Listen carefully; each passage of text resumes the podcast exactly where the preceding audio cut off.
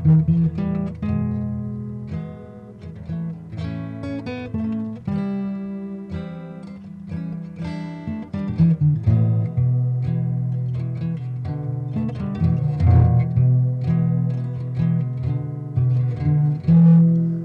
بكل مشاهدي ومتابعي القناة. أتكلم اليوم عن آه، فكرة الفلسفة المثالية. آه، الفلسفة المثالية مدرسة كبيرة جدا يعني ليست فقط آه، في تاريخ معين أو مرتبطة بفيلسوف معين بدأت تقريبا منذ الإغريق وحتى مرورنا إلى القرن التاسع عشر وهناك كثير من الأسماء الكبيرة في الفلسفة العمالقة الكبار الذين أضافوا إلى الفلسفة المثالية. ما هي الفلسفة المثالية؟ أهم مبدأ آه، هنا هو أن العقل هو الأساس وليست المادة. آه، مهما كان الوجود خارج عقل الإنسان فهذا غير مهم إذا كان عقل الإنسان لا يدرك هذا الوجود يعني الشيء المهم آه، في هذه الفلسفة هو ما يدركه العقل وما آه، نشعر به آه، من الحواس. لكن وجود المادة وكيفية وجود المادة خارج النظام الإنساني خارج نظام التفكير الإنساني هو غير مهم لأنه بطبيعة الحال لولا وجود عقل الإنسان اذا آه، لن يكون هناك وجود للكون آه، من حيث المبدأ أو الفكرة. آه، لأننا يعني نفسر الكون فقط من من تفكيرنا ومن عقلنا اذا لا نستطيع أن نشرح فكرة مجردة مادية عن أي شيء في الكون خارج نطاق هذا العقل. وطبعا هناك مدارس آه، كثيرة تتعارض مع هذه الفكرة يعني أهمها المدرسة الوجودية آه، المدرسة المادية آه، حتى المدرسة المادية الحديثة وهي تعتمد على العلم والتجارب العلمية في اكتشاف مثلا أو شرح ماهية الكون لا تعتمد فقط على ما يدركه العقل لكن أيضا تحاول أن تفسر الأشياء بشكل مادي بعيدا عن آه، كيف نتقبل هذه الأشياء المادية بالحواس. إذا نبدأ من الإغريق وتاريخ قبل سقراط هناك فلسفة تسمى بال monism أو أو monist وهي فلسفة تقول أن تقول أن كل شيء في الكون يدور حول الوعي، وعي الإنسان. ولهذا فإن كل ما نراه كل الأفكار آه، كل الأشياء التي آه، تنطبع داخل آه، العقل هي آه، خلقت داخل العقل آه، فاذا لا وجود للكون بدون هذا الوعي وبدون هذا العقل. الفيلسوف الذي فعليا أتى وبدا يؤسس الفلسفة المثالية هو أفلاطون. أفلاطون قال أن كل المثاليات الأخلاقية مثل الصدق، الشجاعة موجودة خارج وجود الكون، فهي كأفكار مطلقة موجودة سواء وجد الكون أو لم يوجد. وهذه الأفكار المطلقة أو ما تسمى بالمثاليات وأعتقد من هنا جاءت اسم الفلسفة المثالية، الإنسان دائما يحاول أن يصل إلى هذه الأفكار المطلقة، ولأن هذه الأفكار آه، موجودة آه، بغض النظر عن وجود الكون فإن هذه الأفكار تعتبر ثابتة ومطلقة مهما تغيرت مجتمعات الإنسانية ومهما تغير الزمان أو المكان. فإذا كل الشعوب وكل مجتمعات الإنسان تستطيع أن تصل إلى هذه الأفكار المطلقة وإن المادة التي تكون آه، المخلوقات أو الإنسان هي شيء وقتي آه، وهي ليست آه، كاملة يعني ليست مطلقة فاعتبر أن المثاليات أو هذه الأفكار هي الأشياء المطلقة في الوجود آه، وأن المادة هي شيء غير كامل وأننا نحاول أن نصل إلى هذا المطلق.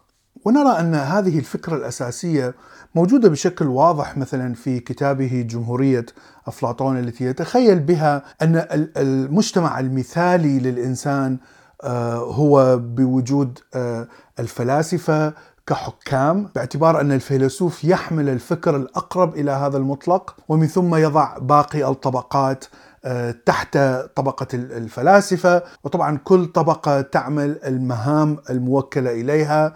آه، وهناك كثير من الأفكار الغريبة مثل الأطفال يجب أن يؤخذوا من آه، الأب والأم عندما يولدوا ويجب ان يربوا بعيدا عن الأب والأم لأن الأب والأم ممكن أن يرتكبوا أخطاء كثيرة في تربية الأطفال.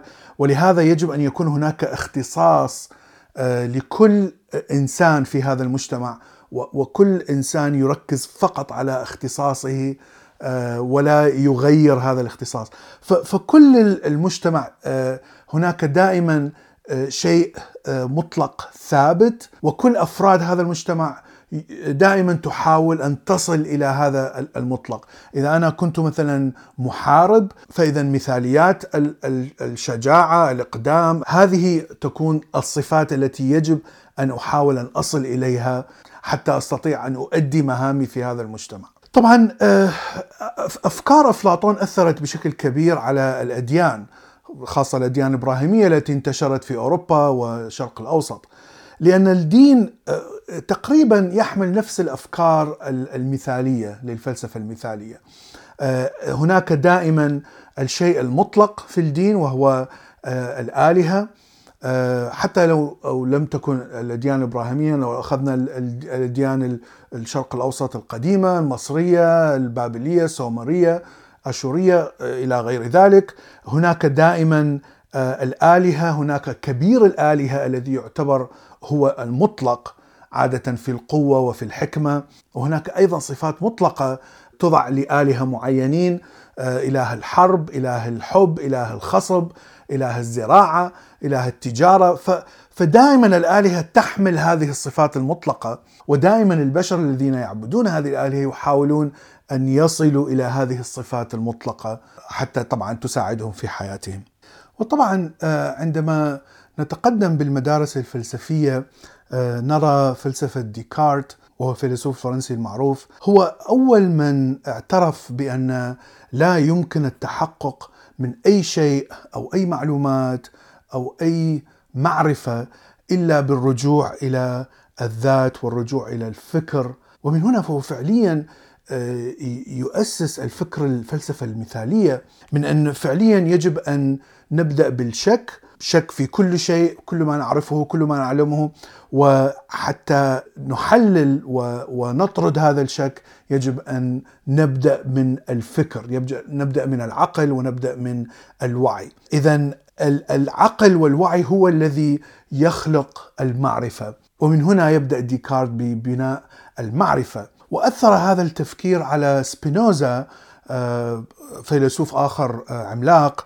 فكرة ال pantheism وهو أن الإله أو الله أو الشيء المطلق الكبير هو فعليا الطبيعة أو الكون أو الطبيعة والكون مع الإله يكونون آه، مثل الإله فكرة الإله المجرد المطلق. ولهذا لأن الإنسان هو جزء من الطبيعة ولهذا فإن سبينوزا يعتبر أن الإنسان هو جزء من فكرة الإله المطلق آه هذه. وهذه الفكرة تقود إلى كثير من الأفكار الأخرى. مثلا ممكن أن تعتبر أن هذه الفكرة آه، أخلاقية إلى حد كبير لأنك فعليا إذا آذيت أي شيء في هذه الطبيعة فإنك لأنك جزء من هذه الطبيعة فإذا أنت تؤذي نفسك. لكن طبعا في الطرف الآخر هناك آه، قيود لحرية الإرادة لأنك جزء من هذا السيستم أو هذا النظام الكبير.